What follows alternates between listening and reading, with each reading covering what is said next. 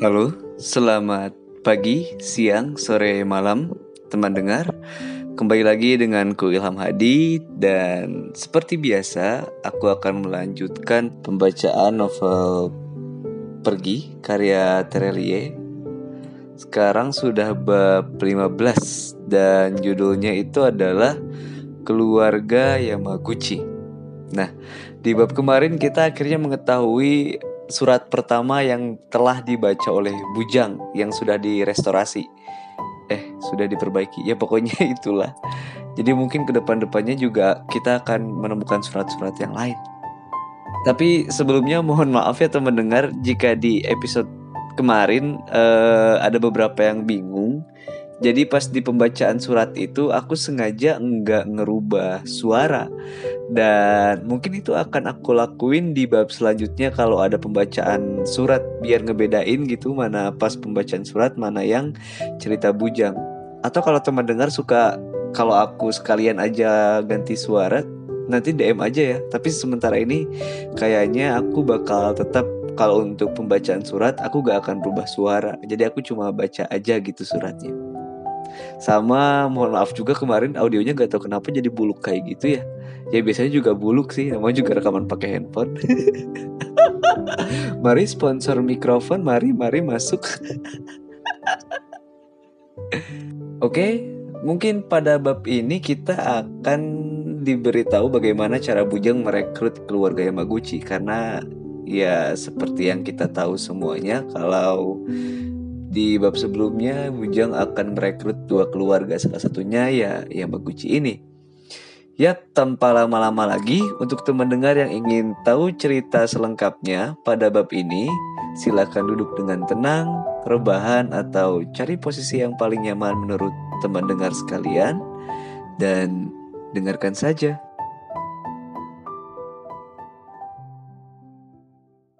Pergi. Bab 15 Keluarga Yamaguchi Keluarga Yamaguchi adalah salah satu dari delapan penguasa shadow ekonomi di kawasan Asia Pasifik. Generasi pertama, kakek dari kepala keluarga mereka sekarang memulai imperium keluarga mereka dari bisnis kecil simpan pinjam di sudut sebuah kota selepas dua bom atom menghancurkan Jepang tahun 1945.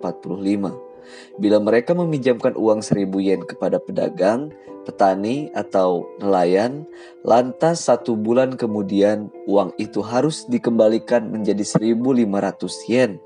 Itu transaksi yang sangat legal bukan?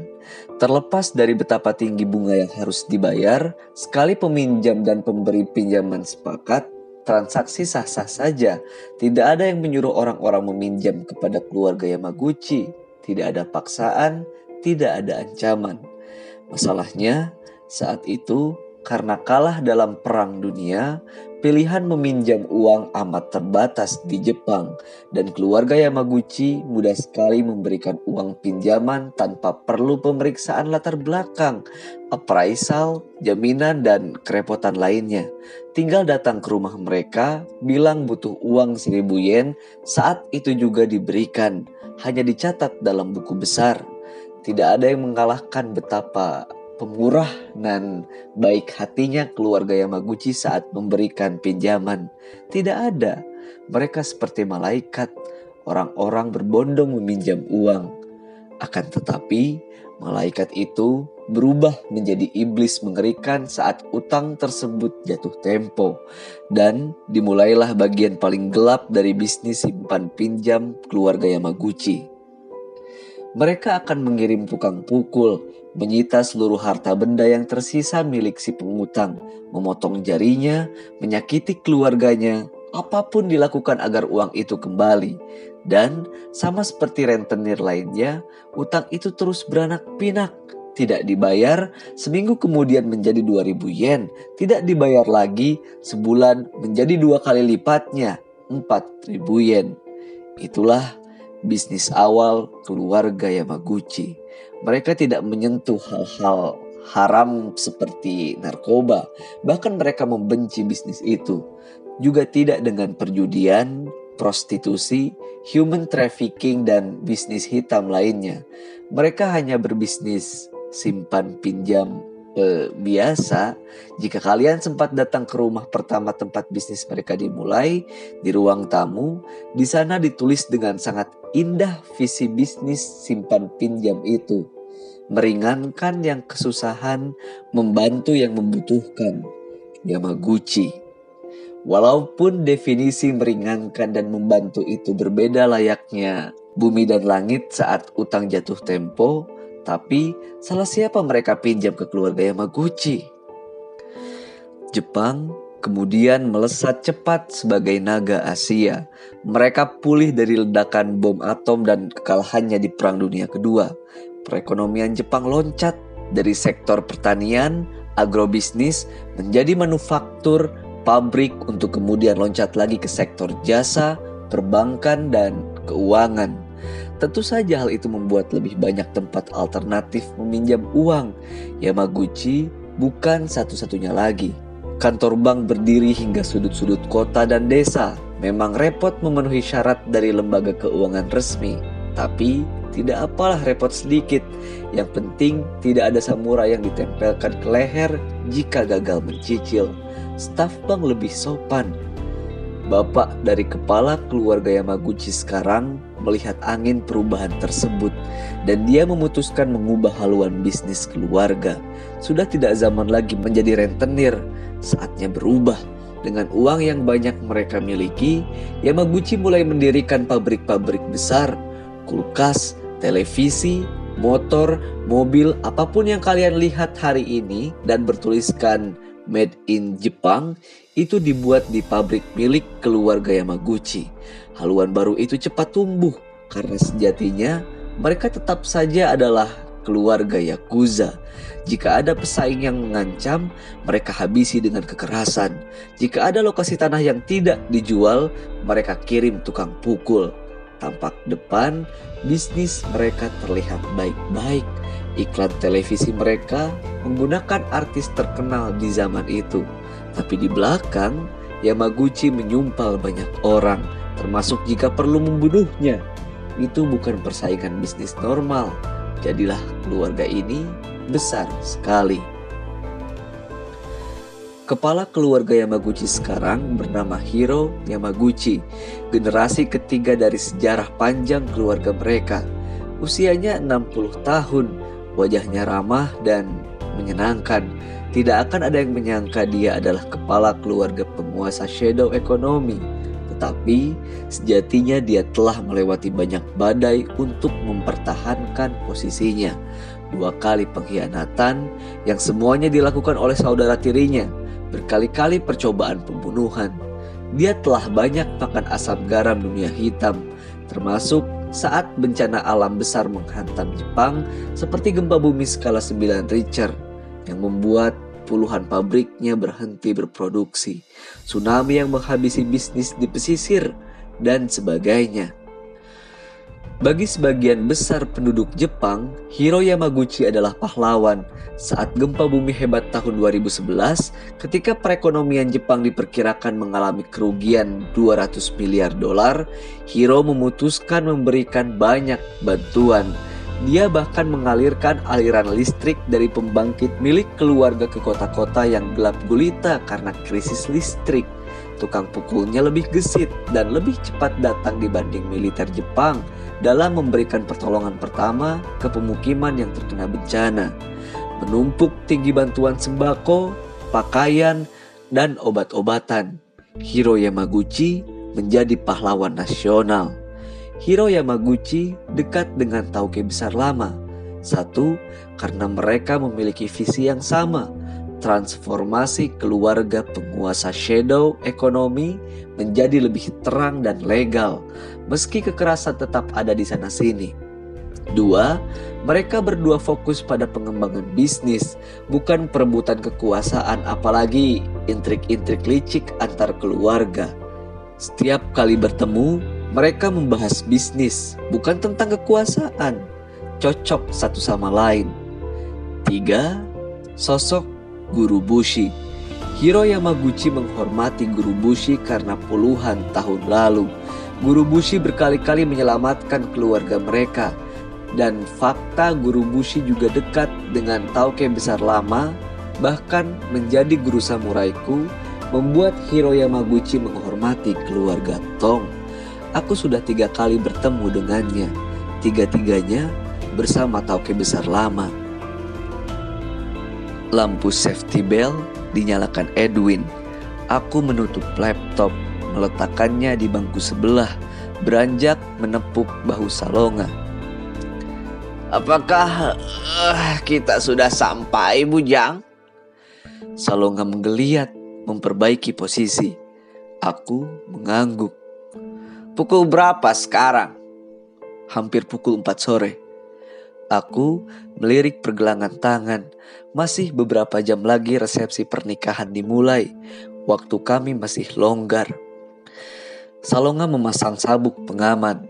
15 menit pendaratan yang mulus. Moncong pesawat jet telah menuju apron khusus. Setiba di parkiran, tiga sedan berwarna gelap telah menunggu persis di bawah anak tangga. Akashi, kepala tukang pukul Yamaguchi, menjemputku langsung. Selamat datang di Tokyo, Tuan Bujang. Akasi memelukku saat aku turun. Aku balas memeluknya hangat. Aku mengenalnya. Dia adalah salah satu ninja hebat yang tersisa. Usianya hampir 50 tahun, tapi tampilan fisiknya yang gagah seperti masih 30-an. Mengenakan setelan jas rapi, sepatu mengkilap. Dia adalah ninja modern. Samurai, jangan keliru, dia tetap membawanya. Dijadikan ikat pinggang melengkung di dalam sabuk. Sekali Akashi melepas sabuknya, mencabut samurai super tipis yang terbuat dari titanium lentur, benda itu amat mematikan. Itu bukan pedang biasa, melainkan pedang fleksibel yang bisa keras dan kokoh untuk kemudian seketika berubah menjadi amat lentur, meliuk laksana ular. Selamat datang di Tokyo, Tuan Salonga. Akashi membungkuk. Salonga balas membungkuk. Tuan Hiro menunggu di kediamannya Tuan Bujang, Tuan Salonga, masih tiga jam lagi resepsi dimulai. Masih sempat melakukan pembicaraan. Tuan Hiro harus memimpin acara keluarga setelah resepsi. Jadi lebih baik dilakukan sekarang. Aku mengangguk. Setuju. Itu lebih baik. Agar kami bisa fokus pada resepsi pernikahan setelah pembicaraan. Tiga sedan segera beriringan, melesat, membelah jalanan kota Tokyo menuju kediaman Yamaguchi. Aku sempat melihat video kematian Vasili. Akashi bicara, mengisi suasana lenggang di dalam mobil. Itu pesan yang sangat kuat kepada Master Dragon Tuan Bujang. Aku mengangguk. Apakah benar Tuan Bujang menangkap berdebah itu sendirian? Aku dibantu Yuki dan Kiko. Ah, cucu guru Bushi. Akashi berseru. Aku mengangguk lagi. Aku sudah lama tidak bertemu dengan si kembar. Apakah mereka masih suka bermain-main menyebalkan seperti dulu, Tuan Bujang? Aku tertawa. Itu berarti iya. Akashi juga ikut tertawa. Sebagai informasi, Tuan Hiro akhirnya mengikuti saranmu, Tuan Bujang. Akashi bicara setelah tawanya reda. Saran? Hai, tentang resepsi pernikahan. Tuan Hiro memutuskan untuk membuat acaranya lebih tertutup. Kejadian Fasili itu membuat berubah pikiran. Kami akhirnya hanya mengundang keluarga dekat, kolega, dan orang-orang yang memang layak hadir. Acara tetap dilaksanakan di kuil Meiji, tapi kami akan menutup seluruh kuil dan jalan-jalan dalam radius satu kilometer. Otoritas kota juga membantu pengamanan. Mereka menganggap Tuan Hiro sebagai tokoh penting di Tokyo. Itu keputusan bijak Akashi.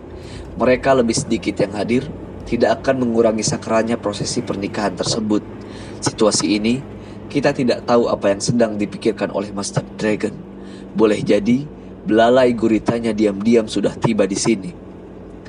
Pedebah itu, dia akan tumbang pada akhirnya Tuan Bujang Usianya sudah 80 tahun, kakek-kakek tua. Seharusnya dia lebih asyik bermain dengan cucu-cucunya, bukan justru hendak mengobarkan perang antar keluarga penguasa shadow ekonomi. Hei Akashi, aku juga sudah 70 tahun. Kakek-kakek, maksudmu juga berarti aku? Hah? Salonga ikut bicara. Eh, Akashi terdiam, salah tingkah. Eh, tentu tidak Tuan Salonga. Dalam kasus ini, Tuan Salonga berbeda. Lihatlah, masih gagah perkasa. Master Dragon, terakhir informasi yang kami terima, dia jatuh sakit. Salonga meluruskan kakinya.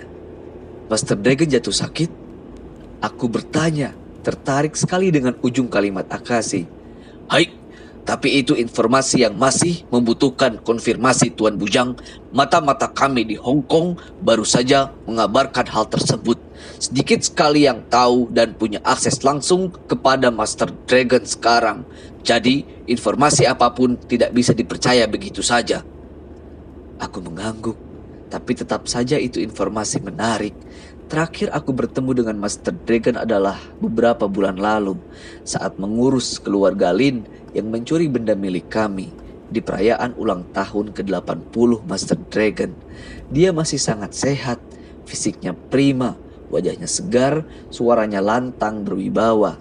Penampilannya tetap tidak bisa dibantah sebagai kepala delapan keluarga penguasa shadow ekonomi. Dia dikabarkan jatuh sakit. Aku sulit mempercayainya. Kita tidak bisa mengalahkan usia Tuan Bujang. Akasi berseru seperti tahu apa yang kupikirkan. Peperangan ini pasti menjadi beban pikirannya. Usianya jelas tidak muda lagi. Fisiknya tidak sekuat dulu. Banyak kakek-kakek lain di usia itu yang terkena stroke, jantungan, sakit pinggang, punggung, hingga asam urat di usia tersebut. Hei Akashi, kau menyindirku lagi ya? Aku juga menderita asam urat. Eh, Akashi menoleh. Eh, tentu tidak Tuan Salonga. Tapi, eh, apakah benar Tuan Salonga menderita asam urat? Kediaman Hiro Yamaguchi adalah sebuah rumah dengan halaman luas, terletak di utara kota Tokyo. Rumah itu adalah rumah tradisional Jepang dengan dinding kayu dan atap genteng. Pintunya menggunakan pintu geser. Sekilas lalu, rumah itu tidak cocok untuk menjadi tempat tinggal kepala keluarga salah satu penguasa shadow ekonomi karena rentan dan mudah ditembus. Apalah kekuatan dinding kertas, mudah saja merobeknya dengan tangan. Masalahnya, dari gerbang pagar rumah tersebut, penyerang harus melewati pepohonan rapat, berganti hutan bambu, diikuti hamparan rumput yang terpangkas rapi, gemericik sungai, hamparan koral, diselingi bebatuan, taman bonsai, dan taman bunga. Total sepanjang 2 km barulah tiba di rumah tersebut. Dan setiap jengkal perjalanan tersebut ada tukang pukul Yamaguchi yang berjaga. Itu jelas pertahanan yang tidak mudah dilewati. Serangan udara juga tidak mudah karena halaman luas itu dilengkapi persenjataan yang bahkan bisa melumpuhkan pesawat F-22. Tiga sedan gelap terus meluncur memasuki jalan pribadi menuju rumah tradisional tersebut. Berhenti persis di depan bonsai-bonsai yang ditata rapi. Kita sudah tiba Tuan Bujang, Tuan Salonga. Akashi memberitahu. Aku dan Salonga beranjak turun. Hiro Yamaguchi langsung yang menungguku di depan pintu rumahnya. Melangkah mendekat, tertawa lebar. Untuk seorang Jepang, dia cukup tinggi. Wajahnya juga adalah campuran, tidak khas Jepang karena ibunya dari Kepulauan Maldives. Bujangkun, selamat datang. Hiro Yamaguchi berseru riang, membungkuk. Aku ikut membungkuk dalam-dalam. Terima kasih banyak atas sambutannya yang hangat, Hirosan. Terima kasih banyak. Berpelukan erat, Hiro Yamaguchi menepuk-nepuk bahuku. Sejak pertama kali melihatmu diajak tauke besar ke pertemuan, aku tahu suatu saat kelak kau akan menjadi penerus keluarga Tong Bujangkun. Tapi, eh, uh, Aku juga turut berduka cita atas kematian Tauke besar. Keluarga Yamaguchi kehilangan sahabat terbaik. Dia selalu ada jika kami membutuhkannya. Dia lebih dari sahabat. Dia adalah keluarga. Aku mengangguk. Terima kasih Hirosan. Dan aku minta maaf jika pertemuan ini mengganggu persiapan pernikahan Hirosan di waktu yang keliru. Oh, tidak Bujangkun. Dalam banyak hal, kita tidak bisa memilih waktu yang tepat. Saat sesuatu itu datang, kita hanya bisa bersiap menghadapinya. Mari, mari Bujangkun, Tuan Salonga, kita bicara di dalam. Hiro Yamaguchi mempersilahkan kami masuk. 6 hingga 8 tukang pukul senior dan kepala bisnis keluarga Yamaguchi berdiri di sekitar kami. Mereka ikut melangkah masuk saat aku, Salonga, dan Hiro melewati pintu geser. Kami duduk bersila di sebuah ruangan washitsu dengan alas tatami, tikar tebal yang dibuat dari jerami, meja panjang dari kayu jati dengan ukiran indah, dikelilingi oleh peserta pertemuan. Aku mengenali beberapa wajah mereka, pernah bertemu satu dua kali dalam urusan bisnis. Yang duduk di sebelah kiri Hiro Yamaguchi adalah Akashi, kepala tukang pukul. Di sebelah kanan Hiro adalah Kaeda, putri tertua Hiro Yamaguchi. Usianya 40 tahun, kepala seluruh bisnis, seperti Parwes dalam struktur keluarga Tong. Sisanya adalah orang-orang kepercayaan Hiro Pemandangan dari ruangan Washitsu ini indah tak terkira. Shoji, pintu geser dari kertas di belakangnya sengaja dibuka, memperlihatkan danau kecil, pepohonan bonsai, dan gemericik air dari instalasi bambu. Beberapa ekor flamingo tampak sedang berenang, juga burung-burung berkicau riang. Udara pinggiran kota Tokyo terasa sangat segar. Pelayan mengantarkan mangkuk menuangkan teh hangat. Saat mereka beringsut keluar, Hiro Yamaguchi langsung memulai pertemuan. Pujangkun, aku turut bersimpati atas kejadian percobaan pembunuhan tersebut. Terima kasih Hiro-san. Situasi ini serius dan pelik. Master Dragon jelas-jelas menunjukkan niat buruknya. Dia tidak lagi diam-diam dia telah terang-terangan memutuskan berperang dengan keluarga Tong. Aku memiliki hubungan yang erat dengan Tauke besar sebelumnya. Maka dengan situasi terkini, aku menawarkan bantuan kepada keluarga Tong. Kita tidak bisa membiarkan Master Dragon merusak keseimbangan yang ada. Cepat atau lambat, dia juga akan menyerang kami. Aku mengangguk. Itulah tujuanku datang kemari. Anda sungguh baik hati Hirosan, bahkan sebelum aku menyampaikan permintaan tersebut. Maka dengan ini, aku, mewakili keluarga Tong, menawarkan aliansi resmi dengan keluarga Yamaguchi untuk melawan Hong Kong dan Beijing yang didukung keluarga Lin dan El Pacho. Aku mengangkat mangkuk teh ke arah Hiro Yamaguchi. Well, Kau sudah mendapatkannya, Bujang Kun. Aku secara resmi menyetujui aliansi tersebut. Hiro Yamaguchi mengangkat mangkuk dan diikuti oleh seluruh peserta pertemuan. Baik, kapan kita akan menyerbu Hong Kong, Bujang Kun? Hah? Berikan kami perintah. Aku akan mengirim ratusan ninja terbaik ke sana. Akashi langsung berseru setelah mangkuk diletakkan kembali. Berdebah Master Dragon itu semakin lama dibiarkan, kakek tua itu semakin lupa sopan santun. Tidak semua keluarga bisa dia atur-atur semaunya. Salonga segera melambaikan tangan, menggeleng. Tidak begitu cara kita berperang, Akashi. Dan berhentilah memaki lawan. Itu tidak terhormat. Ini bukan zaman Edo dengan shogun-shogunnya.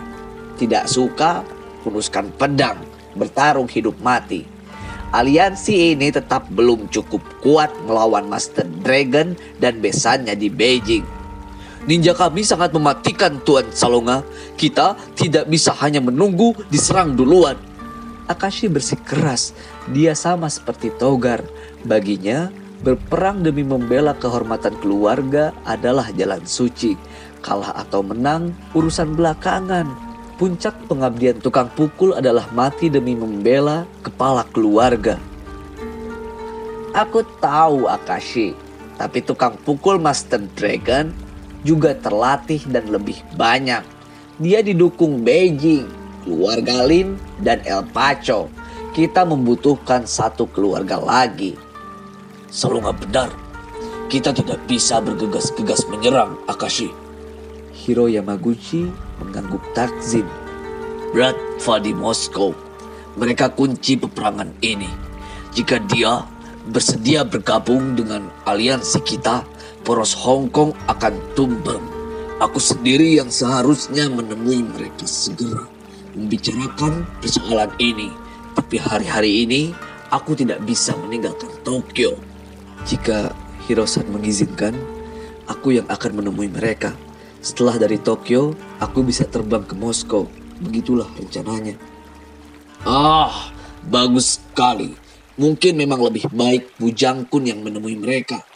Bratva menyukai anak muda dengan visi cemerlang dan terbuka.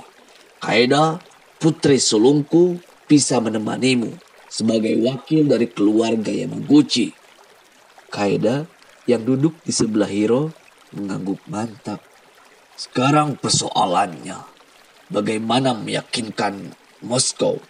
Aku belum tahu bagaimana membujuk Bratva, tapi mereka tidak akan berdiam diri dalam krisis ini.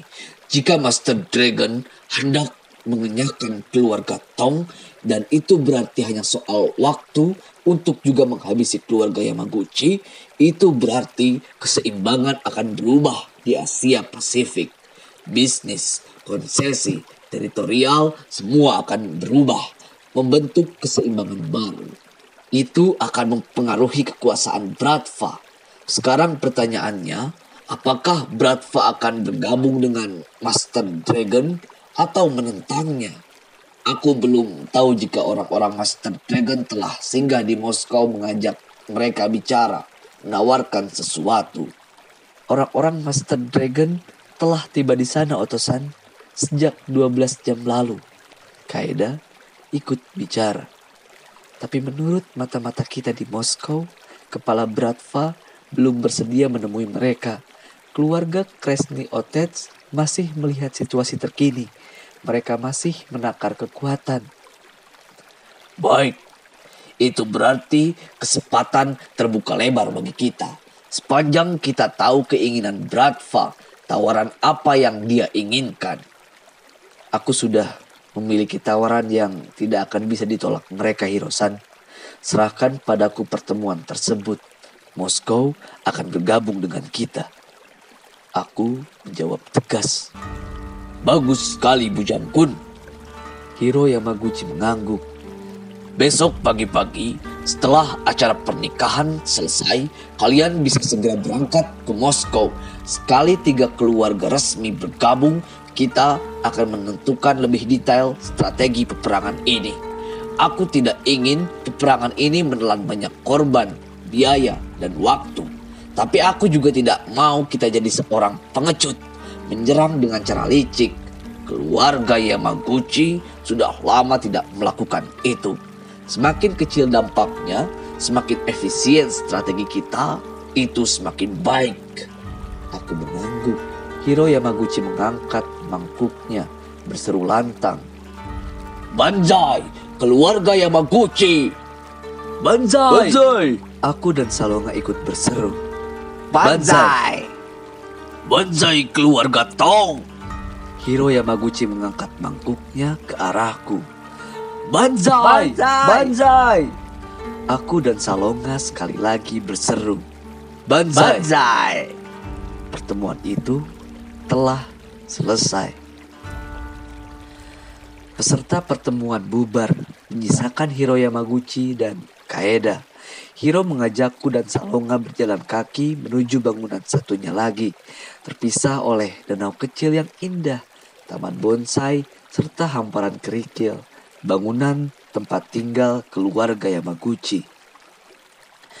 Dari jauh, kesibukan persiapan resepsi nanti malam terlihat kontras dengan bangunan sebelumnya yang justru dipenuhi tukang pukul dan membahas tentang peperangan. Akashi bilang, Master Dragon jatuh sakit Hirosan. Apakah kabar itu benar? Aku bertanya. Kami berjalan bersisian di atas jalan setapak. Hai, kabar itu kami terima enam jam lalu Bujang Senpai. Kaeda yang menjawab. Tapi kami belum bisa memastikannya. Lagi pula, itu tidak akan berpengaruh banyak. Perang tetap meletus meskipun dia terbaring di atas ranjang. Siapa informan kalian di Hong Kong? Paman Shiro, lima tahun terakhir beliau menetap di Hong Kong menjadi dokter di sana. Aku mengangguk. Aku tahu Hiro Yamaguchi memiliki belasan saudara laki-laki dari 24 ibu tiri yang juga menjadi sebab pengkhianatan dalam keluarga sebelumnya. Tidak semua berkecimpung dalam dunia shadow ekonomi. Beberapa memiliki profesi yang amat bertolak belakang. Shiro Yamaguchi misalnya, dia adalah dokter bedah jantung ternama di Asia. Aku pernah bertemu dengannya. Kami sedang menunggu kabar terbaru dari Hong Kong. Paman Shiro memiliki informan di rumah sakit pemerintah dan swasta. Jika Master Dragon memanggil dokter ke kediamannya, Paman Shiro bisa segera menginformasi hal tersebut. Aku mengangguk lagi. Jika demikian, itu berarti informan yang terpercaya dan akurat. Kami terus berjalan di samping danau. Cahaya senja lembut membasuh wajah. Sebentar lagi matahari tenggelam. Lampu-lampu telah dinyalakan, membuat semakin indah sekitar. Apa kalian tahu jika Yuri si pembuat bom menerima kontrak dari Master Dragon? Aku teringat isu lain yang tidak kalah penting. Hai, kami tahu Bujang Senpai, cucu guru Bushi memberikan informasi tersebut. Kaeda menjawab, aku tahu maksudmu, tapi jangan cemaskan acara pernikahan malam ini. Akashi dan tukang pukulnya telah menambah lapisan pemeriksaan. Detektor, anjing pelacak, teknologi sensor bom terbaik sudah siap di kuil tempat acara pernikahan. Kami menutup kuil Meiji. Hanya orang yang benar-benar kami kenal yang boleh masuk. Dan sebagai rencana darurat, Akashi juga menyiapkan tim penjinak bom serta alat berat untuk lainnya. Tapi Yuri bisa membuat bom dalam bentuk benda kecil, Kaeda. Itu bisa luput dari perhatian. Hai, kami sudah siap dengan kemungkinan itu, Bujang Senpai. Semua pernak-pernik pernikahan, sendok, piring, garpu, apa pun itu diperiksa berkali-kali. Tidak akan ada benda asing yang bisa masuk ke kuil Meiji tanpa pemeriksaan kami. Mari kita lupakan sejenak urusan pekerjaan Bujang Kun. Hiro tersenyum, memotong percakapanku dengan Kaeda, melambaikan tangan. Mari kita bertemu dengan calon pengantin, putri bungsuku. Kami telah tiba di halaman rumah tujuan. Di sana puluhan wanita muda memakai kimono, pakaian tradisional Jepang. Mereka semua telah berkumpul. Warna-warni cerah, senyum bahagia mengembang. Mereka membawa buket bunga-bunga, kipas, kotak-kotak putih. Suasana riang terhampar di depan kami. Ini sudah hampir pukul 6 sore. Rombongan pengantin perempuan telah siap berangkat menuju kuil. Kerumunan wanita muda itu tersibak. Seseorang melangkah maju Pujaku, akhirnya kamu tiba. Ayahku, istri dari Hiro Yamaguchi menyapaku. Dia terlihat anggun dengan kimono berwarna kuning keemasan. Usianya kurang lebih sama dengan Hiro, 60 tahun. Wajahnya lembut, keibuan, seperti menatap tokoh utama serial Oshin zaman lama. Dia menyapaku dengan riang. Aku balas membungkuk. Terima kasih banyak sudah datang jauh-jauh Bujang Kun. Apalagi setelah kabar buruk itu. Akulah yang seharusnya berterima kasih telah diundang Ayako-san. Ayako tersenyum. Hari ini genap sudah empat putri kami telah menikah Bujang Kun. Kira-kira kapan kau juga akan menikah? Agar kami bisa membalas kunjungan ini. Aku tersedak kecil dengan pertanyaan itu. Salonga seketika tertawa lebar di sebelahku. Aku mengangkat bahu, sedikit kikuk. Itu sungguh pertanyaan yang tidak terduga.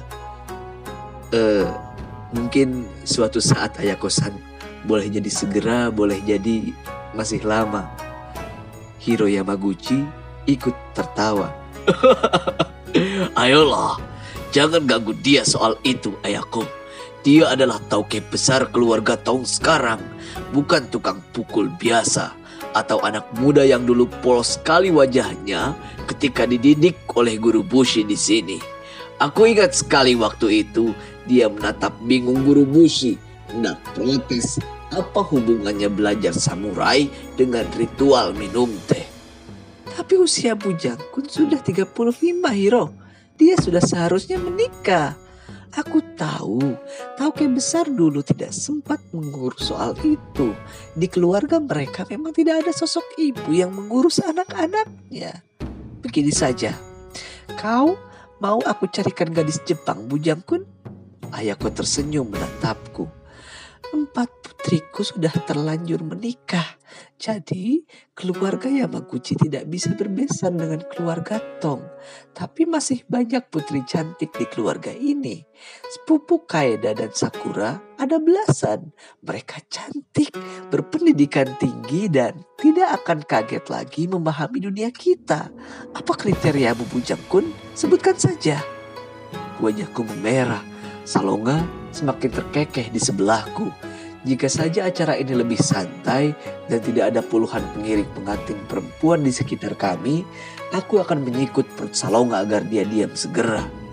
Eh, aku aku akan memikirkan hal itu ayahku San. Terima kasih banyak telah berbaik hati kepadaku. Sungguh terima kasih banyak. Aku menjawab seadanya, membungkuk kikuk. Percakapan itu baru terhenti dan aku terselamatkan saat calon pengantin wanita keluar dari ruangan. Itulah Sakura. Dia mengenakan gaun pengantin tradisional Jepang, uchikake, kimono berwarna putih dengan tutup kepala putih berukuran besar. Sakura terlihat menawan di hari paling penting dalam hidupnya. Sakura membungkuk ke arahku. Aku membalasnya, tersenyum. Beberapa staf keluarga Yamaguchi tampak berkomunikasi dengan staf di kuil Meiji dan rombongan pengantin laki-laki yang berangkat dari tempat lain. Salah seorang staf bicara dengan Ayako, memberitahu persiapan telah selesai. Baik, jika semua sudah siap, kita bisa segera berangkat ke kuil Meiji. Ayako mengangguk, menoleh ke puluhan pengiring pengantin perempuan. Cap-cap anak-anak, siapkan keberangkatan. Keramaian di bangunan itu semakin meningkat. Semangat pernikahan mulai terasa sakral di langit-langit. Wajah-wajah bahagia, senyum terkembang, kalimat penuh doa dan pengharapan. Puluhan sedan hitam merapat di samping bangunan. Rombongan pengantin segera berangkat menuju lokasi pernikahan dengan wajah gembira. Untuk satu jam lagi, ternyata semua berakhir sebaliknya.